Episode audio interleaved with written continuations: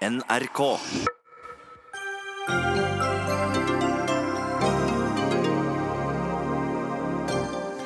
Venstre får så ørene flagrer etter sjødeponisaken i Repparfjorden i Finnmark. Miljøvernerne er ikke imponerte, men skal vi ikke kunne satse på noen nye næringer, eller? Hvem eier egentlig historien om polarhelten Roald Amundsen, om noen? Strid rundt hvem som egentlig er opphavet til historien som fortelles i den nye norske storfilmen. Bare én av ti partnere i de største advokatfirmaene her i landet er kvinner. Hvorfor, og hva kan gjøres med det? Og Nordmenn reiser helt til Spania for å skaffe seg livsviktige medisiner. De får dem nemlig ikke her. Nå trengs aktiv politikk fra regjeringen, etterlyser Arbeiderpartiet. Og er det innafor å strømme de fotballkampene folk ikke får fra TV 2 ulovlig? Tja, når vi ikke får det vi forventer av TV 2, så, sier kommentator.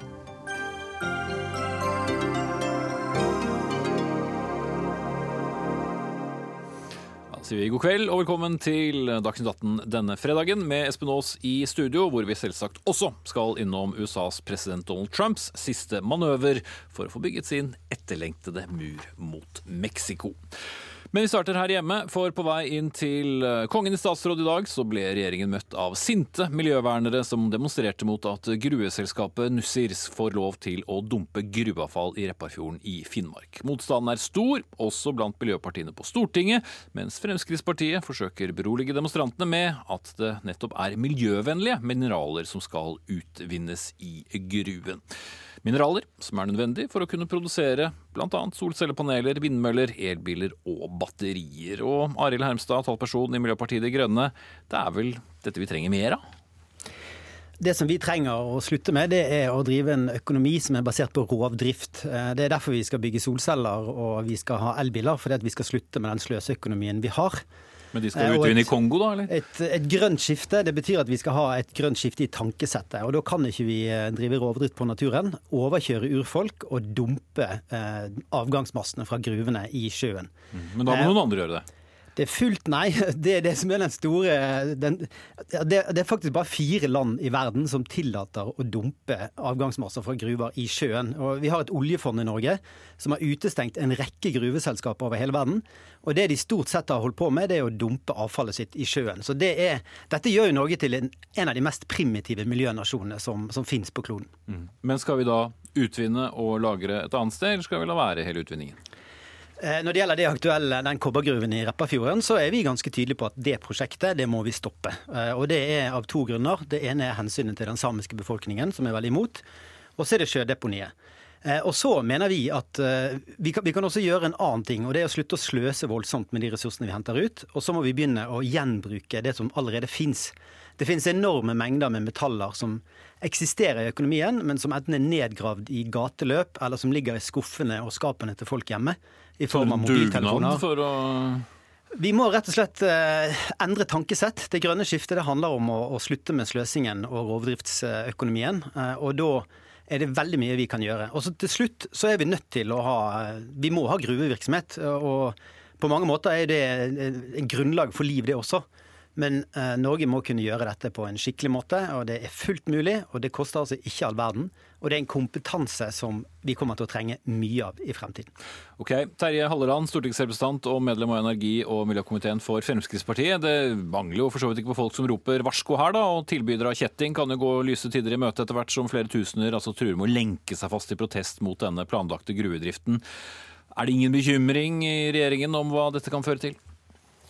Nei, eh, det er nok ikke bekymringer på det nivået som, eh, som MDG forsøker å, å, få det til. Uh, hvis en ikke har mer tillit til, til norske myndigheter enn at uh, når, en, når, en, får uh, søknader som, som, nå er blitt behandla siden 2012 på, på, godt og vondt, der en til slutt har falt ned på en, en konsesjon som, som, gir rett til, til utvinning av kobber. Spesielt i søkelyset på, på, på, den etterspørselen som er på verdensmarkedet etter mineraler for det grønne skiftet, som, som jeg vet MDG er, er, veldig for. Og Da må, må, Norge være med her. Altså Her har vi da et prosjekt som, som er et, et godt prosjekt. Godt for det grønne skiftet? Godt for det grønne skiftet, det er godt for, eh, for lokale Dette jo, har jo vært etterspurt både fra lokale kommuner og fylker. Dette er godt for regionen, det er godt for, for, for hele landet. Og godt for fjorden. Og er et av veldig få realiserbare prosjekter. Og så er det klart, alle sånne prosjekter, alle prosjekter som er tilknyttet til utnyttelse av naturen, har negative konsekvenser. Og så er det uh, den vurderinga som er blitt gjort av regjeringen, at de negative konsekvensene i dette tilfellet er mindre enn hva de positive er. Mm. Er du enig i det, Hemstad?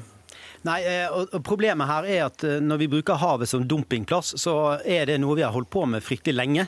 På 50-tallet så dumpet vi jo avfallet vårt i fjorden, men heldigvis så har vi lært, og det har vi sluttet med. Og jeg ser jo internasjonalt at det er veldig mye positive nyheter når det gjelder å ta vare på naturen. Og da er det fryktelig rart at Norge insisterer på at det å dumpe men, avfallet i sjøen er noe vi skal gjøre. Det. at, du må jo ikke fremstille det som om at deponi på land ikke er blitt vurdert. Eh, miljøkonsekvensene er jo selvfølgelig òg til stede om du lager et deponi på land. Derfor så har myndighetene vurdert to forskjellige eh, løsninger med deponi på land.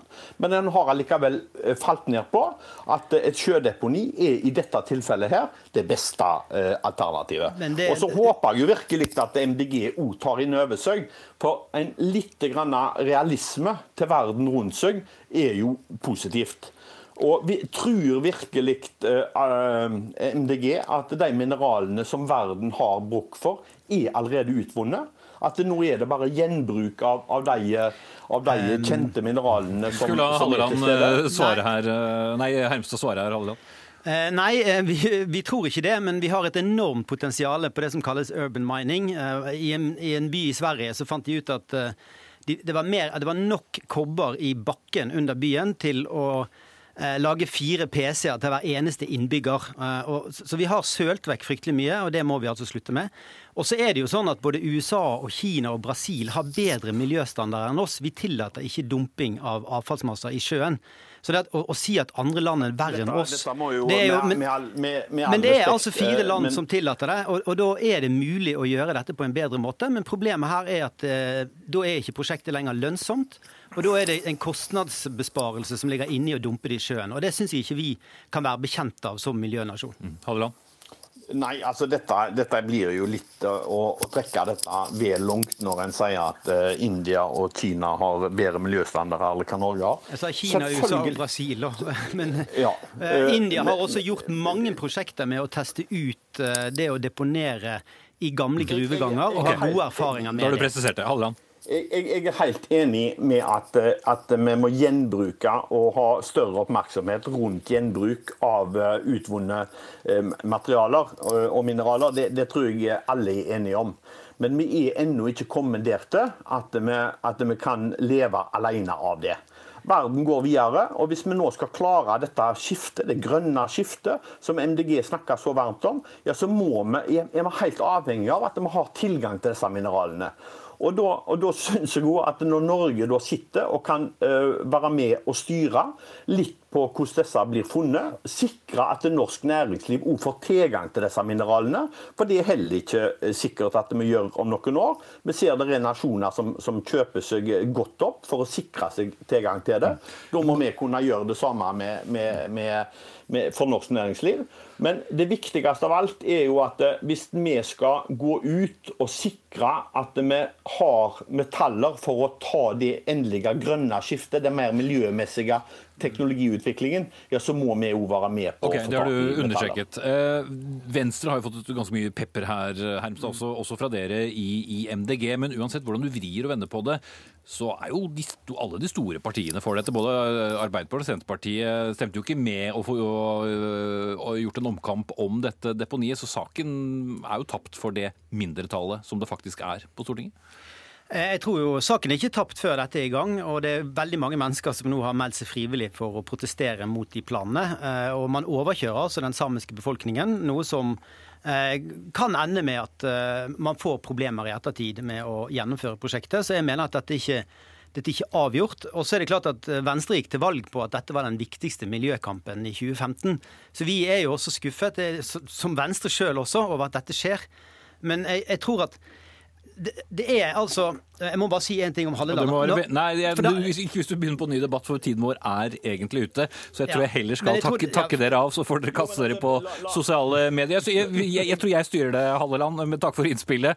Eh, Halleland, stortingsrepresentant og medlem av energi- og miljøkomiteen for Fremskrittspartiet, og Arild Hermstad, talsperson i Miljøpartiet De Grønne. Og inntil videre så er det sånn at det er matavfall i grønn pose, plast i blå pose og gruveavfall i fjorddeponi, for å sitere en parodikonto på Twitter.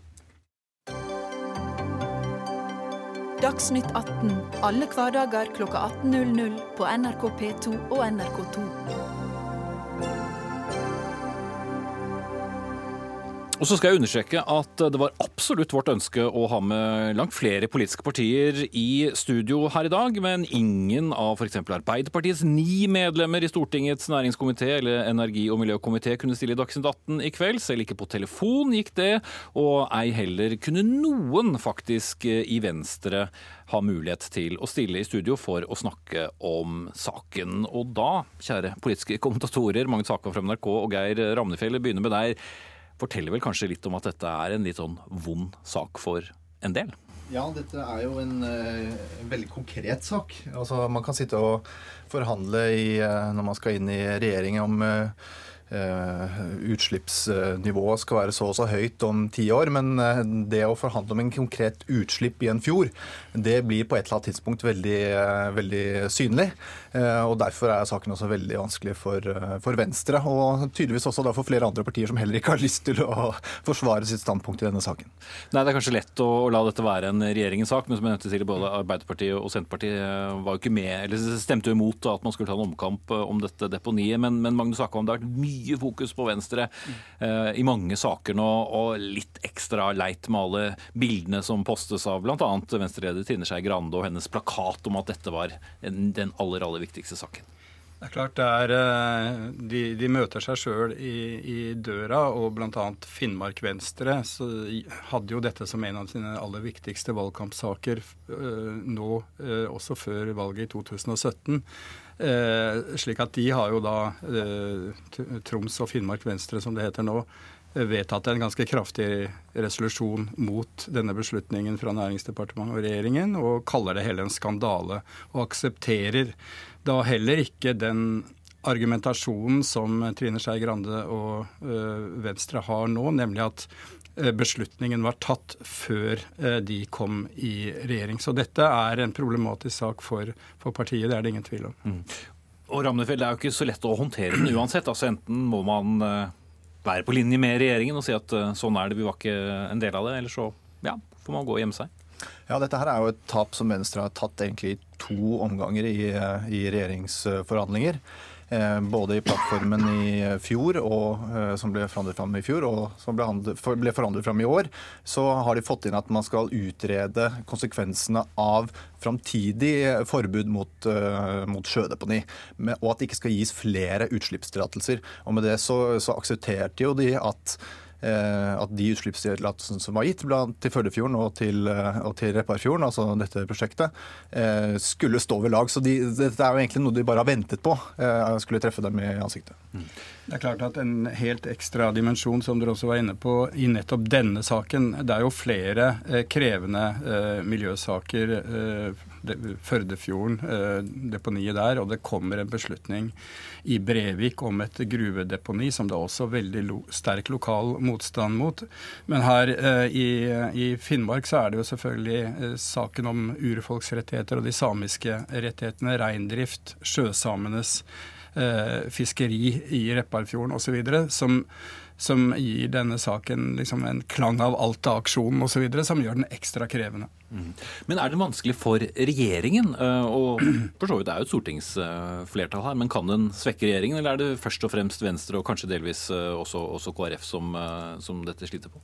Dette sliter nok først og fremst på Venstre, fordi de profilerte saken sin så tydelig i valgkampen før 2017. Eh, ehm, og så er det klart at eh, man kan si at nå blir det en del oppmerksomhet rundt saken, men det vil også bygge seg opp når dette her skal faktisk iverksettes. Da er det ikke noe tvil om at det kommer til å bli aksjoner. og Man snakker ofte om en sånn ny Alta-aksjon, og så, og så sammenligner man egentlig alt med det.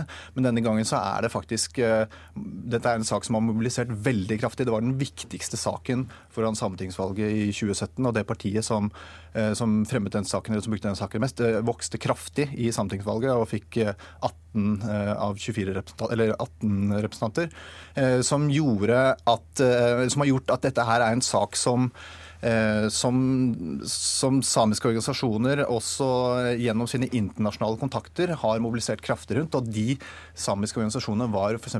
på um, å bistå i Standing Rock i USA. Og det er også sagt at uh, det vil komme delegasjoner fra, fra, utlandet for å bistå i denne aksjonen. Så du kan få en virkelig mobilisering foran, foran oppstart her. Mm. Og da blir det litt hardt å, å være miljøparti i regjeringen?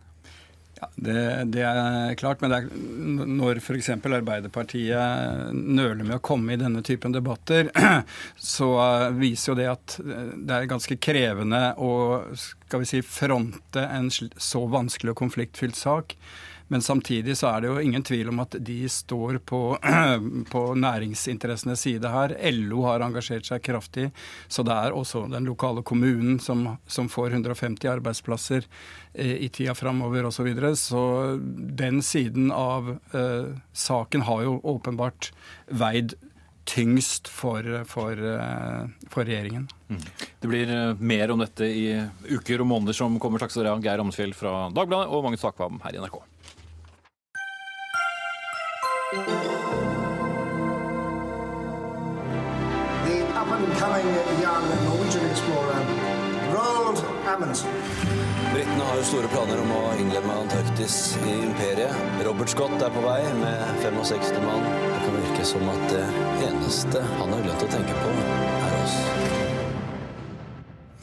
Ja, Rundt omkring i landets eh, kinoer strømmer det i kveld nordmenn som vil se premieren på storfilmen Amundsen. Men uh, legge før allmennheten har satt tennene i et eneste popkornkorn, så har det brutt ut en strid om opphavet til deler av historien som fortelles på kinolerretet. For selv om de fleste kjenner historien om kappløpet mot britenes Robert Scott, lærer vi også mye om den personlige historien til vår egen Roald Amundsen. Og Stig Andersen, du er dokumentarist og laget for 20 år siden dokumentaren 'Frosset hjerte', basert på Tor Boman Larsens biografi 'Roald Amundsen'. Og da du så førpremieren og så historien, hva tenkte du? Da tenkte jeg at de har fått veldig mye ut av de 75 millioner kronene som denne filmen kostet. Fantastisk spektakulær og gode skuespillerprestasjoner av hovedrolleinnehaverne. Men så tenkte jeg også at når man har investert så mye i det, at man da også ikke kunne investere litt i å gi Tor Boman Larsen honnør for den innsatsen han har gjort for Roald Amundsen, nemlig det å skrive det som har blitt standardverket om denne mannen. Ja, for Det som er litt viktig å poengtere her, da, er at ja, vi kjenner historien, vi kjenner kappløpet. Men hva var det egentlig Tor Boman Larsens bok da på midten av 90-tallet fortalte oss? Den ga jo et helt nytt bilde av eh, polarhelten. Eh, som jo ikke var fullt så positivt som det hadde vært tidligere, kanskje. Og han klarte da å trekke frem to kvinner som er nokså, eh, om ikke si helt ukjente for allmennheten. Eh, Kiss og Bess, og Bess spiller jo en stor rolle i den filmen som er nå. Og i tillegg så fant han jo et svært arkiv med polarekspedisjonens eh, notater og regnskaper og sånt noe. Og dette materialet fortalte jo en god del om forholdet mellom Leon og Groald. Og altså, dermed kunne han ja. gi en god fortelling om det også. Mm.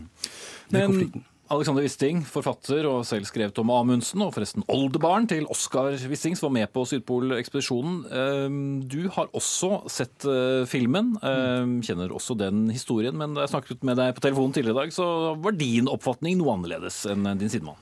Ja, altså jeg mener jo man kan jo ikke ha copyright på noe sånt nå. I utgangspunktet er dette historiene om mennesker. Det er deres historie. Og det er jo riktig at Tor Boman Larsens bok den gangen var veldig annerledes i forhold til det bildet som var av Amundsen, men nå var jo en del av disse historiene kjent fra før av. Både Bess og Kiss sin historie var jo der fra før av. Dette er jo det vi vanligvis gjør når vi skriver biografier, nemlig vi henter fram arkiver, vi leter fram det materialet som måtte være, og så behandler vi det på forskjellige måter. Vi skriver det ut. Eh, og det har jo kommet mye materiale, bl.a. min eget bok som er skrevet senere. Og eh, å kalle Tor Boman Larsens verk for et standardverk, vel, vel, det kan hende. Det er kommet like store biografier etterpå. Og man har gått også lenger i de historiene. Så jeg mener jo at eh, akkurat å ha en copyright på Leon og Roalds forhold og dette her, det er umulig. Ja, Til det vil jeg si at det er klart at uh, fakta det kan ingen ha rettigheter til. Men det er måten, fortolkningen av fakta, den historien som kommer ut av disse faktaene, som blir bærende liksom for det som kan kalles rettigheter. Og det er et problem hele verden nå stilles overfor. Hva gjør vi med rettigheter? Og i dette tilfellet så er det trukket frem absolutt ting som jeg mener kommer direkte fra Tor Boman Larsens bok, og dermed burde han ha vært kreditert. Det kan jeg ikke skjønne annet enn. Mm. Altså Dette med krediteringer det er jo så sin sak. Uh, uansett så er det ikke så unikt, det materialet som er der. Dette er gått videre med og beskrevet videre, gått dypere med senere, bl.a. i min bok. Og jeg føler jo at det jeg så på filmen der, det avspeiler veldig, veldig mange andre kilder også. Men at Bo, Tor Boman Larsen en, skrev en voldelig flott bok og gjorde en stor jobb den gangen, det er helt sikkert. Mm. Men det er vanskelig... All senere, all senere litteratur om Roald Amundsen har jo hvilt veldig sterkt på på den boken til Thor. Og Derfor så syns jeg at når da denne filmen kommer, så blir jo dette fortellingen om det som var selve hovedmotivet i hans bok. Ja, men det, det, er, ja, ja, det er jo hvilt på. Det vil jeg si er over det. For du står jo alltid litt, du har jo alltid tak i det som er. Men det er jo, du går jo tilbake til kildene. De fleste gjør jo det. Og her har de fleste tror jeg, også sett på de tingene selv med egne øyne. Nei, ikke tall. Tor Bomma brukte jo årevis på å lage denne ja, det gjør de fleste som skriver en biografi. Kildemateriale. Ikke fortell meg at disse filmskaperne har sittet og gravd i arkivet. Nei, men, men de, jo, de ser jo på andre kilder som har gjort den samme jobben. Blant annet jeg har gjort mye av den samme jobben. Jo, jo. Så de baserer seg på mange kilder. Men, men apropos, apropos baserer. Ja. Det er basert på en sann historie, som yes. de fleste eh, filmer eh, er, som eh, forklarer historiske hendelser. Så i det aspektet, hvor, hvor, mye skal man da tillegge bokverk sammenlignet med altså Normalt sett så føler jeg vi diskuterer her i Dagsnytt 18 når det kommer historier av denne typen, at vi diskuterer hvor, hvor sanne de er, om de gir et, et ekte bilde. Men her, her har diskusjonen blitt noe annerledes. Ja, altså det er blitt om uh, hva uh, som bør, altså, hvem som bør krediteres for søking i kilder. Og i dette tilfellet så er vi altså uenige. Jeg mener at Tor Bomanns bok har hatt et så stort og omfattende kildemateriale som all senere forskning har basert seg på. Og dermed mener jeg, og sikkert som du sier, utviklet videre, men dog. Og den fortellingen om Roald og Leon fortellingen om de to kvinnene. Dette var funn Thor gjorde. Og da tenker jeg at det er svært eiendommelig at man ikke ikke oppsøkte ham og tok kontakt med ham eh, før man begynte filmingen. Det gjorde man ikke.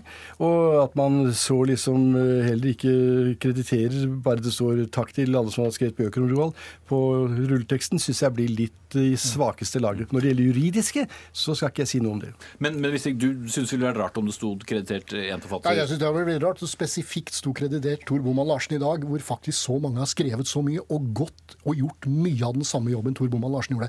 Jeg syns jo dette virker som et PR-stunt fra forlaget for, for å reaktualisert en bok som jo er over 25 år gammel, og det er gjort så mye etterpå. Ja, det der, der vet jeg ikke. Ja, så, vi har verken forlag eller Tor uh, Larsen uh, til stede her, uh, her, i studio. Vi får kanskje heller være glade for at hvert fall utfallet av kappløpet om Sydpolen ble som det ble, og vi iallfall har den historien felles. Og, og, og, der er vi i hvert fall alle nordmenn enige. Så er det mulig at britene skulle ønske at den historien om Scott og, og Amundsen endte noe ja, annerledes. At det ikke ble brexit der også. Takk til dere, Stig Andersen dokumentarist og forfatter Alexander Wisting.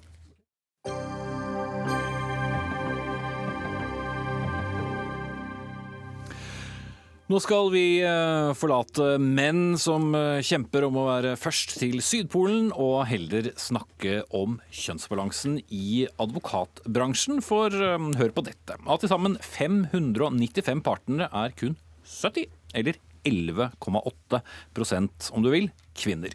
Det viser Dagens Næringslivs kartlegging av tolv av landets største advokatfirmaer som spesialiserer seg på å gi juridisk rådgivning til næringslivet. Lite tyder på at det blir noe bedre. Bare sju av 32 nye partnere i år er kvinner. og Store aktører som DNB har sagt at de prioriterer advokatfirmaer som satser aktivt på å få frem kvinnelige partnere og ledere. I tillegg har også Equinor varslet strengere krav om kjønnsbalanse når de skal fremforhandle nye rammeavtaler. Tina Storsletten Norsem, leder for eh, Advokatforeningens kvinneutvalg. Du er ikke så imponert over denne statistikken? Nei, denne statistikken har vi hatt i mange år. Eh, selv om studentantallet, altså eh, kjønnsbalansen der, er en økende andel kvinner, nå er det på over 70% så forholder altså denne partnerstatistikken seg nærmest stille. Det er vi jo veldig skuffa over. Vi, hvorfor er det sånn? Ja, hvorfor er det sånn? Godt poeng. Ehm, det vet, vet ikke jeg. Jeg syns det er rart. Jeg tenker at disse selskapene ikke får med seg kompetansen oppover systemet. Er det sånn at det er 70% kvinner på studiet, så er også den 70% av den juridiske kompetansen kvinnelig. Eh, og det er den som mangler da oppover. De klarer rett og slett ikke ta vare på eh, damene. Det er noen strukturelle utfordringer som opererer. Vi er ikke sikre på hva. Noe er det som skviser damene ut. Ylva Gjesdal Pettersen, du er senioradvokat i advokatfirmaet Thommessen og har skrevet en kronikk i Dagens Næringsliv hvor du skriver at citat, å telle kvinnehoder ved partneropptakene ikke fremmer likestillingen. Hva skal vi i stedet gjøre? Nei, altså Først og fremst så er det viktig å få frem at jeg også det er veldig viktig å få flere kvinner opp i, i partnerskapet. Men det jeg er redd for, er at det å ha en kategorisk eh, hodetelling av eh, kvinner de nærmeste årene, at det kan gå på bekostning av langsiktige tiltak med mye bedre effekt. Men du trenger ikke å telle så lenge ut fra de tallene jeg nettopp eh, presenterte?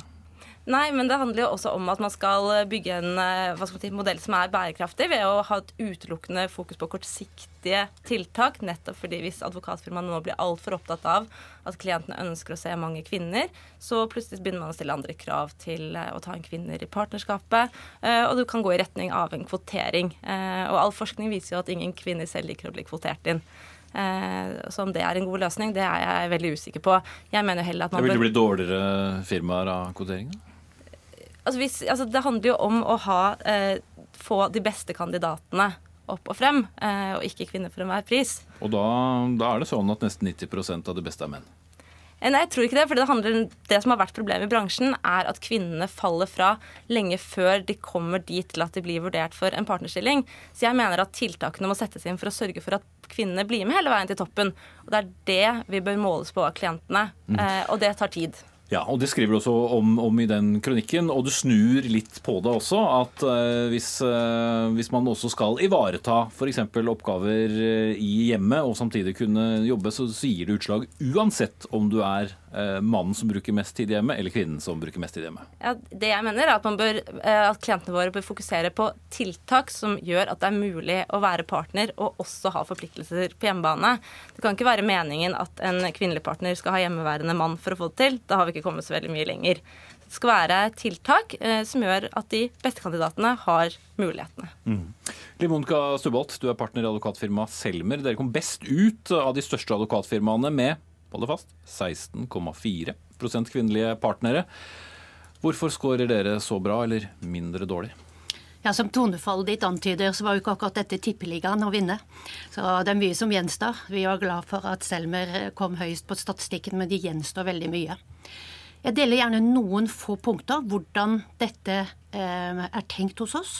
For først er vi opptatt av at lav kvinneandel er et problem som flertallet eier.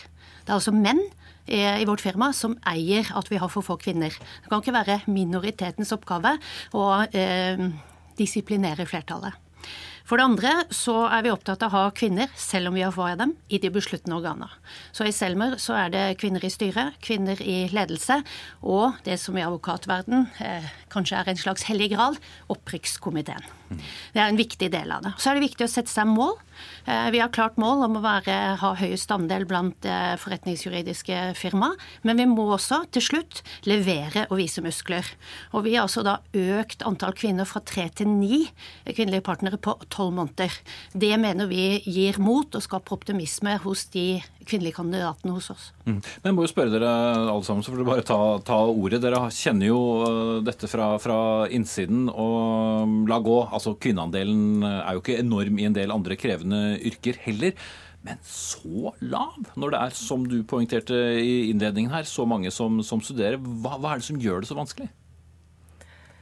Ja. Det høres vanskelig? Jeg kommer jo fra en advokatarbeidsplass eh, som har en litt annen profil. Da det er LO. Der er vi altså eh, halvparten kvinner, halvparten menn. Eh, og der er det sånn som Selmer-partneren her sier, at det er fokus på det. Sånn skal det være. Jeg tror det er det vi mangler. Vi mangler en ledelse som sier at vet du hva, dette skal vi ikke ha. Vi skal ha 50% kvinner. Alle ser nødvendigheten av det og, og gjør noe med det. Jeg tror det er det kvinner i dag ikke opplever. De opplever ikke at det er satset på. De opplever ikke at det er plass. Og det er sånn at må man som kvinne i dag også må få lov å ha en familie og få lov å dra hjem til barna sine eh, og ha middag sammen med dem. Eh, og det tror jeg ingen er uenig i, men det må da være en hverdag hvor det går til. Ikke alltid, men stort sett så må man kunne komme hjem til å hente inn rimelig tid og ikke dra med seg trøtte kluter hjem for å så laste opp noe middag og så koble seg på på kvelden. Livet må være levelig. Og det tror jeg advokatbransjen med sine oppdrag har fullt mulighet til å organisere gjennom god ledelse og prosjektledelse. Det, det, var det ja. du også sa, uh, Pettersen, uh, i sted. Men, men, likevel, det er mange uh, arbeidstimer. Og skal du bygge deg opp tidlig i karrieren, så, så står det overfor da valget. Skal du bli kjent med de barna du har valgt? Skal du ha barn, eller skal du ja, men Det tror jeg det også er litt viktig. for det, det, jeg ser, er at jeg har mistet mange kvinnelige kollegaer underveis. Og det man også må tenke på, er at jo mer senior man blir, jo mer kontroll har man også over egen hverdag. Så jeg opplever også at veldig mange kvinner slutter før de kommer til det punktet hvor man opplever at man har bedre kontroll på hverdagen. Det er en selv som kan styre litt når ting skal skje, og selvfølgelig så, så har man klientene også. Eh, men problemet sånn jeg ser det, er at det er veldig mange som hopper av for tidlig og ikke gir det en sjanse. Mm. Jeg vil gjerne benytte anledningen til å knuse litt myten om at ikke kvinner vil. Det ser man av og til dukker opp i debatten. Det er en myte, og det er ikke sant. Jeg har vært partner i forretningsadvokatfirma, eh, flere, i nesten 20 år. Og det er mer enn nok gode, kvalifiserte kvinnelige kandidater. Eh, og det betyr at eh, ditt spørsmål er relevant. Det er likevel ikke for alle å velge et krevende serviceyrke som forretningsadvokat er. Men de som velger det, der opplever jeg at både kvalifikasjon kvalifikasjoner og motivasjon både hos menn og kvinner er lik. Men vi er nødt til, og der er mine meddebattanter på sporet, tenke på det på tiden fra de går inn døren som 3-4-25-åringer, til de skal vurderes som partnere kanskje ti år senere. Der er det at vi må tenke mye mer systematisk på talentutvikling. Og jeg tror på kjønnsneutrale tiltak, men jeg tror faktisk også at det er nødvendig å adressere det som på nynorsk kalles unconscious bias, altså at man passer på at man ikke bedømmer kvinner og hardere enn menn. Mm. Men du har jo også vært innom politikken, eh, og der er jo kvinneandelen etter hvert blitt ganske bra, selv om uh, gud hjelpe meg, det er noen lange arbeidsdager uh, der også. Men er det likevel enda tøffere å kaste seg inn i jussen når man skal uh, også bedrive familievirksomhet på siden? Jeg syns poenget ditt er bra. Det er mange yrker som har et like hardt press som det å være forretningsadvokat. Politikere er én ting. Man må godt kalle eh, både helse- og omsorgsyrker, eller kanskje til og med journalist, på en mm. dårlig dag. Eh, stressende nok. Eh, men jeg tror at det å være i et serviceyrke der eh, det er kundene som bestemmer, er en, noe man må leve godt med og like. Og jeg syns nok kanskje at det er en veldig positiv ting at flere store børsnoterte selskaper, inkludert Equinor, stiller krav til at kvinner kvinner må være synlige, og at man da responderer med grep sånn som Selma gjør. Kvinner skal være med i møter, kvinner skal eksponeres for klienter, kvinner skal drive nettverk, og kvinner skal være med i alle tilbud.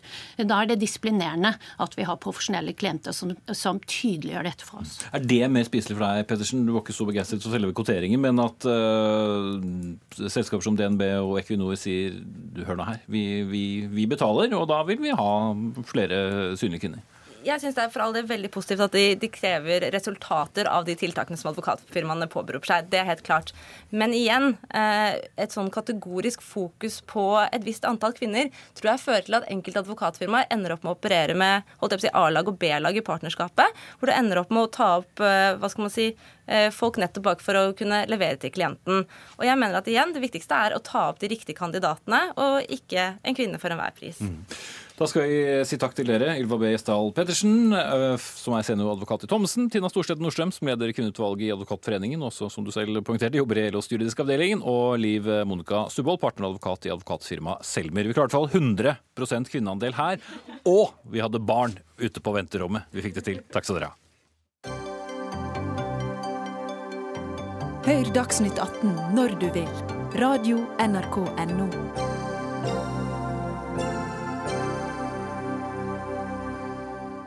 Da skal vi til um, USA, for president Donald Trump bekreftet i en tale i ettermiddag at han vil erklære nasjonal krisetilstand for å få bygget Mexico-muren, eller veggen, eller hva vi nå skal kalle den. Med dette grepet så behøver nemlig ikke Trump å gå via Kongressen for å få de 5,7 milliarder dollarene han trenger til muren. Og korrespondent Veronica Westrin med oss fra Washington, du har fulgt presidentens uh, tale, men uh, hvordan fungerer dette? Hvordan begrunner han denne manøveren for å få gjennom denne viljen som, som er så sterk i, i den saken?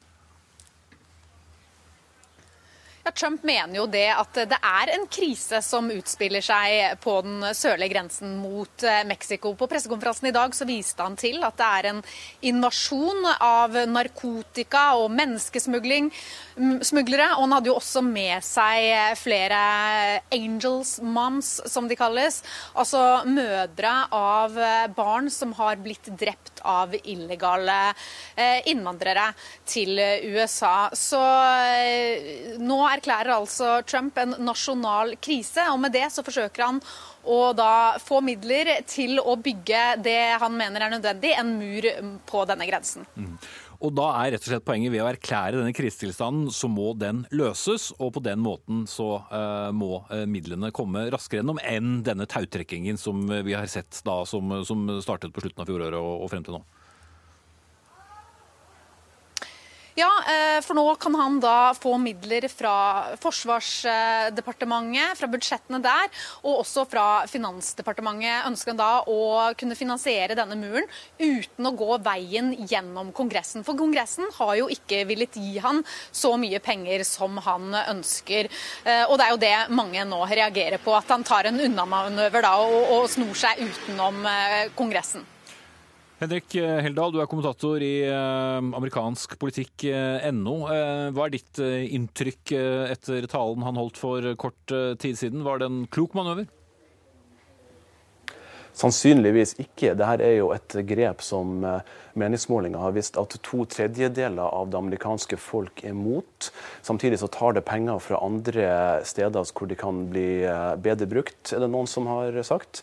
Og så er det jo sånn at Eh, det er en uvanlig manøver å bruke en sånn nasjonal krisetilstand til akkurat det her. Det er andre republikanere til og med som også har vært eh, skeptiske og sier at uh, det her er noe som skal brukes til f.eks. naturkatastrofer eller angrep på nasjonen, som f.eks. 9-11. Og Derfor er det ganske ukonvensjonelt å bruke det på uh, grensa. Mm. Men hvis vi skal prøve å tenke som, uh, som Trump, altså nederlaget for han som president, dersom han stadig ikke får gjennom dette i, i Kongressen, så er vel det slik sett i hvert fall et halmstrå. Men kan det stoppes på noen måte? Absolutt ville det et, eh, ville vært et nederlag. og Han viser jo her at han ikke vil tåle et nederlag fra Kongressen. Og han ønsker å få gjennom sin vilje og ikke høre på en avtale som er gjort bak hans rygg. Sannsynligvis vil det være mange forsøk på å stoppe det her. Det kommer nok til å saksøkes en del ganger, f.eks. av eh, justisministre fra forskjellige delstater som ikke ønsker å ha en sånn mur eh, si, i sin delstat, f.eks. California. Da kan det tas opp til en høyere domstol, og sannsynligvis vil det gå opp til eh, de ankedomstolene som ligger på nivået rett under Høyesteretten. Eh, han, eh, Trump snakka jo i spørsmål og svardel om at det er en, det som kalles Ninth Circuit som kommer til å stemme ned i den domstolen. Det er i California-området på vestkysten. Det kommer de sannsynligvis til å gjøre. Og da kan det hele ende opp med å gå til Høyesteretten. Mm. Eh, Veronica Westrin, eh, tilbake til eh, deg. Altså, han har jo argumentert for denne muren eller gjerdet i, i, lang, lang tid. Men hvordan var argumentasjonen hans eventuelt annerledes i dag for å da poengtere at det nå handler om en nasjonal krisetilstand? Nei, det var vel ikke noe nytt som kom fram i dag. Dette er jo noe Trump har sagt i lang tid at han ville komme til å gjøre, eller vurderte å gjøre. Eh, han håpa jo lenge at Kongressen først skulle gi han de pengene han ønska, men det var jo eh, grunnen til at hele statsapparatet her ble delvis stengt i 35 dager. Den lengste nedstengningen av offentlig sektor her i USA noensinne. Den skjedde jo som følge av nettopp at han ikke fikk disse pengene. Så dette er jo noe Trump har holdt fram som noe han kan komme til å gjøre. Og nå gjorde han det, siden han ikke fikk alle de midlene som han ønsket. Mm. Og Reaksjonene har naturligvis ikke latt uh, vente på seg. Demokratenes leder i Representantenes hus, Nancy Pelosi, hun har brukt ganske sterke ord om uh, grepet han uh, har brukt her, Veronica.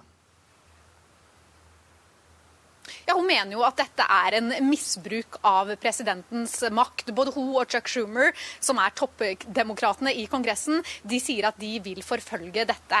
Både rettslig i Kongressen og i eh, opinionen. Så eh, det at det nå kommer mottiltak mot dette, det er jo også noe Trump sa han var forberedt på. Han er eh, villig til å ta dette til Høyesterett og forventer å vinne der, sa han. Men Heldal, er ikke dette også et uh, veldig høyt og, og farlig spill uh, for Trump, som for så vidt har spilt uh, høyt lenge, ikke minst pga. denne nedstengningen som, som, vi var inne på. Og nå kan han jo i teorien også tape den hvis den går inn i, i rettssystemet, mens han for all del også sikkert kan vinne den. Absolutt. Han ser nok på det som har skjedd i Kongressen så langt som et tap for seg sjøl. Derfor har han da ikke så mye mer å tape. Han vil ha en, i hvert fall en mulighet til å få en politisk seier ved å gå denne ruta. Eh, det er en gambling å gå inn i rettssystemet som han nå gjør. Det har eh, blitt poengtert at han sa i eh, spørsmål- og svardelen at han trengte ikke å gjøre nødstilstand nå. Han kunne venta og gjort det over lengre tid, og ikke gjøre det med en gang.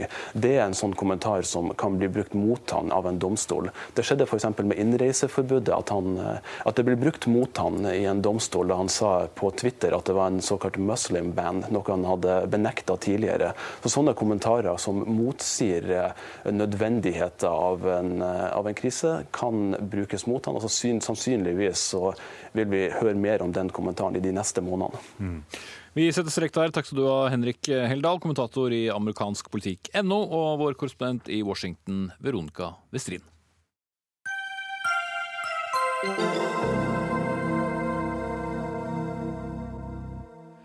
Medisinmangel har eh, gjort eh, noen nordmenn til medisinflyktninger, hvis vi skal låne ordbruk fra Legemiddelverket. For dersom du ikke har tilgang til en livsviktig medisin her til lands, kan du alltid reise til f.eks.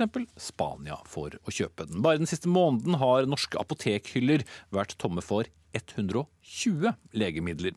Steinar Madsen, du er medisinsk fagdirektør i Legemiddelverket. Hvordan havnet vi der, egentlig? Havnet vi der, egentlig? Ja, det kan man lure på. Det er en sørgelig utvikling. Og det har jo med de store endringene som skjer i legemiddelindustrien. Legemiddelindustrien gjennomgår nå store endringer ved at eh, firmaer selger ut de gamle legemidlene til mindre firmaer. Produksjonen flyttes til India og Kina, og så viser det at det holder ikke mål. Og så er vi inne i denne vanskelige situasjonen. Ja, vanskelig situasjon. Eh, når vi mangler tilgang på medisiner, så er det jo naturlig å stille spørsmålet kan dette gå utover liv og helse?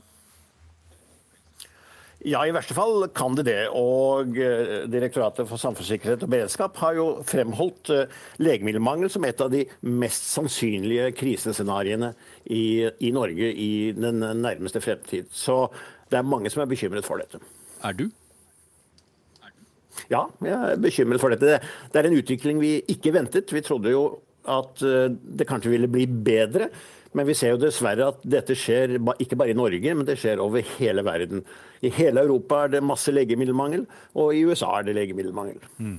Sveinung Stensland, stortingsrepresentant for Høyre. Hva gjør vi i Norge for å ikke være sårbare for internasjonale produksjonsutfordringer? Jeg mener jo vi burde gjort mer, men det, det, som er gjort, er jo En har begynt med beredskapslagring av en del legemidler, og en har fått bedre oversikt. Så de tallene som kommer fra Legemiddelverket, er jo mye mer oppdaterte nå enn de var for noen år siden. Eh, og så må det jo sies at eh, en har et godt samarbeid mellom myndighetene, grossistene, sykehusene for å få på plass alternativer i utsalgssituasjoner. Og det gjør jo at selv om et produkt er tomt, så klarer en å finne alternativer. Men dette er mye unødvendig bryderi for leger, for farmasøytene på apoteket, og ikke minst for pasientene, som både blir usikre og får ekstraarbeid og kan få økte kostnader. Sånn at uh, dette er en situasjon som er internasjonal, men i Norge så er det en del tilleggsfaktorer som gjør at vi blir ekstra hardt ramma. Hva da? Vi er et lite marked. Vi har færre leverandører i, enn i større markeder. I tillegg så har vi hatt en prispolitikk som har vært veldig offensiv, sånn at spesielt på kopilegemidler så har vi mista flere leverandører. Så når den leverandøren som satser på Norge går tom, så har vi ikke en alternativ leverandør like stor grad som før. Så jeg mener jo at det har bidratt til å forverre situasjonen. Og så ser vi at flere store utenlandske eh, firmaer som driver med patenter, patenterte legemidler, trekker seg ut eller nedbemanner Norge og satser mindre på Norge. Og Det er pga. at vi har en veldig offensiv prispolitikk òg på de mest kostbare legemidlene. Så vi har en politikk for lavest mulig legemiddelpris, og det mener jeg kan gå på bekostning både av tilgangen på legemidler og på beredskapen av legemidler. Mm. Tellef Inge Mørland, stortingsrepresentant for Arbeiderpartiet. Mye utenforliggende årsaker her. Noen eh, egne politiske. Er det så mye en regjering kunne ha gjort? Ja, vi må i hvert fall kunne forvente at regjeringa gjør det som kan eh, gjøres. Eh, Steinsland eh, viser jo her til bedre rapportering, men nå ser vi jo bare fra i fjor til første måneden i år at vi har jo nærmest en eksplosjon i antallet mangler som er meldt inn. Så jeg vil ikke tro at rapporteringa har endra seg på, på de månedene. og da hadde jeg forventa at regjeringa hadde vært mer eh, offensiv. Det er bra at Steinsland nå sier at man vil se mer på eh, utvida bruk av beredskaps... Eh, lager. Man kunne forvente seg at regjeringa kanskje så noe på hvorfor er vi blitt så sårbare. Stensland snakker om én eh, leverandør. Vel, kanskje må man innrette anbudene sånn at man har en backup når den leverandøren eh, svikter, og at man ser eh, på det regimet.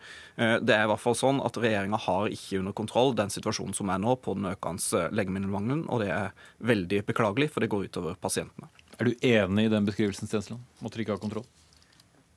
Jeg stoler mer på fagdirektør Steinar Madsen enn på Tellefinger Mørlands uh, vurderinger her. Og som uh, Madsen sier, så er dette en internasjonal situasjon som har blitt uh, mye verre i det siste. Men du åpnet selv med å si at dere kunne gjort ting annerledes i regjering? Ja, ja, absolutt. Og det som er ja, i regjering, det, Dette er ikke ting som ligger så mye i regjering, dette er ting som i veldig stor grad styres fra forvaltningen, bl.a. Statens legemiddelverk og sykehusinnkjøp. Men jeg har tatt til orde for en annerledes anbudstype. Fordi vi har i dag sånne anbud som vinneren tar alt. Eh, og da vil de som ikke er leverandører til Norge, ikke ha forretninger i Norge. De får ingenting.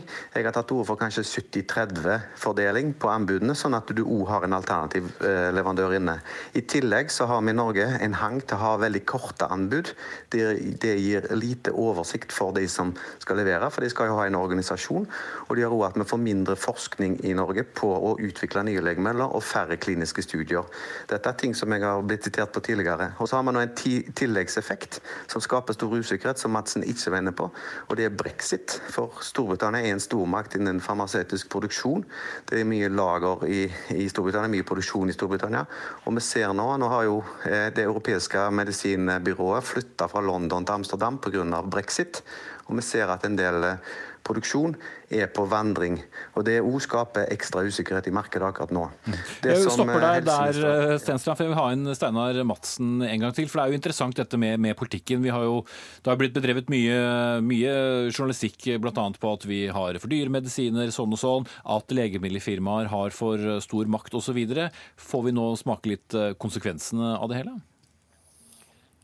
Ja, jeg tror Vi må være åpne for nye tanker og nye ideer på, på, dette området. Og Det er jo ikke bare Norge som må være åpne for nye tanker og nye ideer. Vi må, vi må tenke først og fremst europeisk. Hvordan vi skal få produksjon tilbake til Europa. Hvordan vi skal få eh, legemiddelfirmaene til å satse på Europa. Men jeg, er, eh, jeg tror det er vanskelig, fordi det skjer altså så dramatiske endringer i den internasjonale legemiddelindustrien. Man skjærer ned på utgiftene maksimalt.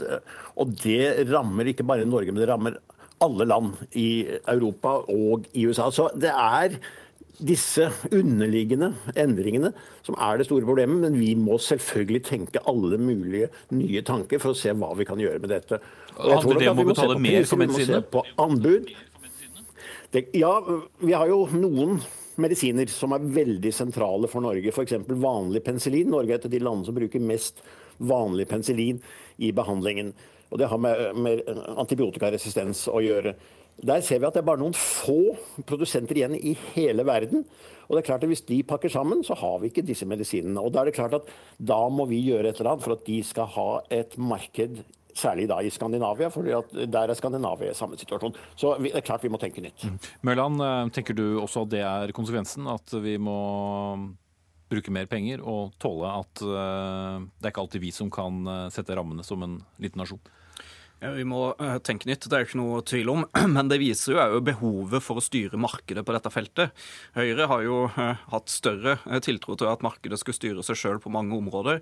Men dette er jo et eksempel der man har behov for å styre markedet, og man trenger å gjøre det i et europeisk og internasjonalt samarbeid. Sånn handler det ikke også om at vi har forsøkt å styre markedet, og dermed har skremt en del aktører vekk fra Norge? Ja, altså hvis man tar anbud og laveste prisvinner, altså, det, er, det er jo mye godt for seg i det. Så er jo det en markedsmekanisme sånn sett. Og, og, jeg er jo langt på vei enig med Steinsland i at vi må kanskje se på uh, 70-30 eller andre typer fordelinger. Men problemet til Steinsland er jo at hans egen regjering ikke har handla på det, uh, det Steinsland sier. Og så opplever man jo at man kan få en negativ spiral. Altså Når mangelen øker, så blir folk eh, mer engstelige, og så begynner de å hamstre, og så øker mangelen igjen, og så blir da dette her eh, ytterligere forsterka. Så det er viktig nå at eh, regjeringa faktisk tar grep som er mulig å gjøre her nasjonalt, og at man da jobber litt lengre langsiktig internasjonalt for å få denne situasjonen under kontroll. Mm. Stensland, du skal få siste ord her, og forsøke å berolige de som blir litt urolige av det de hører nå. Hva, hva gjør dere? Først av alt så er jeg ikke rolig sjøl, fordi her må vi virkelig gjøre en innsats. Men de viktigste grepene som er gjort, av de viktigste dokumentene som er lagt, det er legemiddelmeldingen og prioriteringsmeldingen, som er de styrende dokumentene for legemiddelpolitikken i Norge. Der har Arbeiderpartiet og Høyre vært enige fra begynnelse til slutt, så vi er helt enige Arbeiderpartiet og Høyre om det som skal styre dette. Og Når det gjelder styring av markedet, så er det ingen sektor utenom landbruket der prisene er mer regulert enn legemidler. Vi bestemmer maksimalpris. Vi har store offentlige innkjøp gjennom anbudssystemer. Så det, det, å si at vi ikke er villige til å styre markedet, det er altså riv ruskende galt. Ok, Men nå går du på argumentasjon. Jeg ville bare ha en, en, liten kjapp beroligende løsning. Der er også tiden ute. Takk skal du ha, Sveinung Stensland, stortingsrepresentant for Høyre. Tellef Inge Mørland, stortingsrepresentant for Arbeiderpartiet, og Steinar Madsen, medisinsk fagdirektør i Legemiddelverket.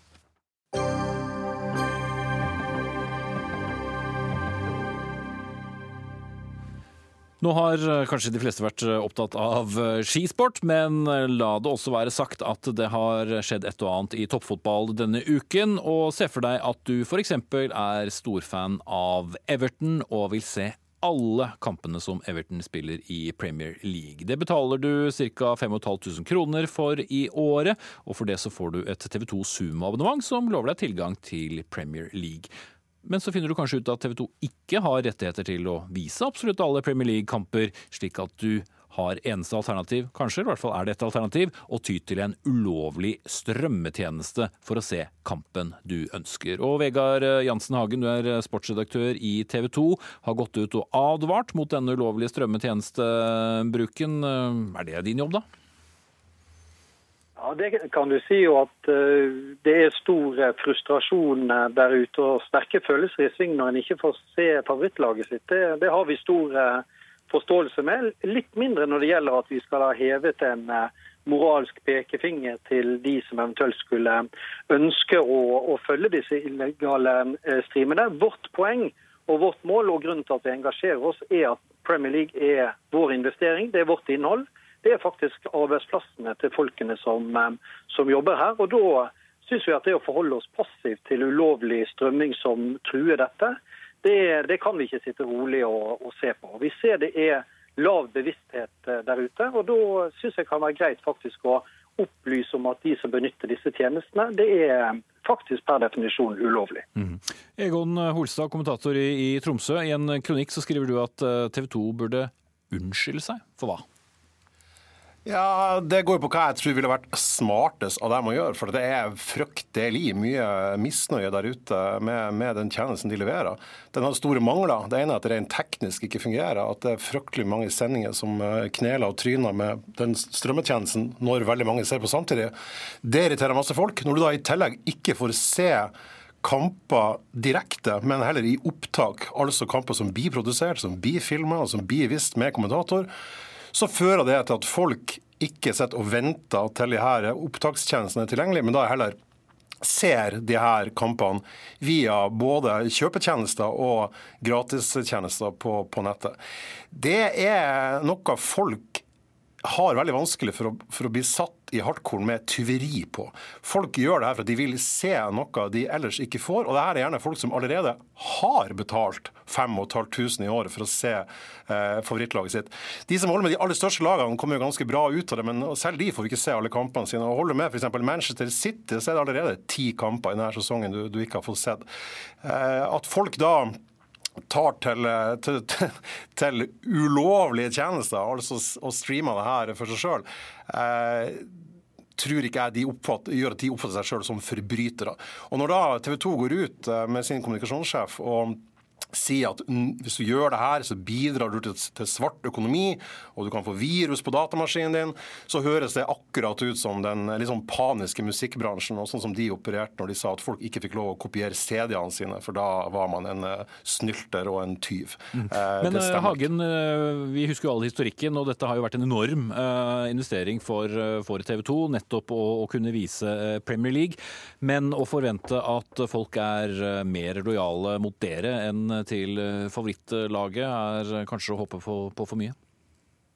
Ja, det, det, det, kan du, det, kan du, si. Men det er nå engang sånn at vi har eh, begrensninger i den avtalen vi har med Premier League. Det samme gjelder eh, hele Europa. I, i England, i hjemlandet til, til, Premier League, så er det enda færre kamper som, som, vises. Og det er vi nødt til å forholde oss til. Den avtalen vi har inngått, det lovverket som vi opererer under, sånn, sånn er det bare. Og men Hva sier du til Holstad og de andre som blir uh, sinna, da?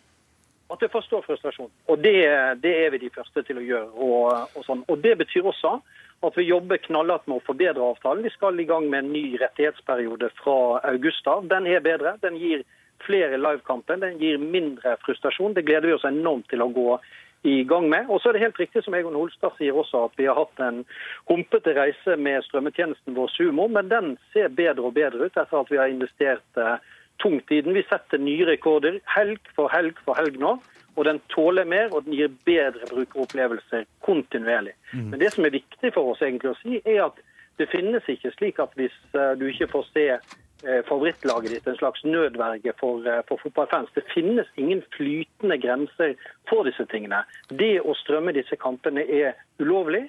Og det er det vi, eh, vi påpeker. Mm. Ja, Holstad, da er det egentlig bare å finne seg en god bok og vente til kampen din eventuelt kommer?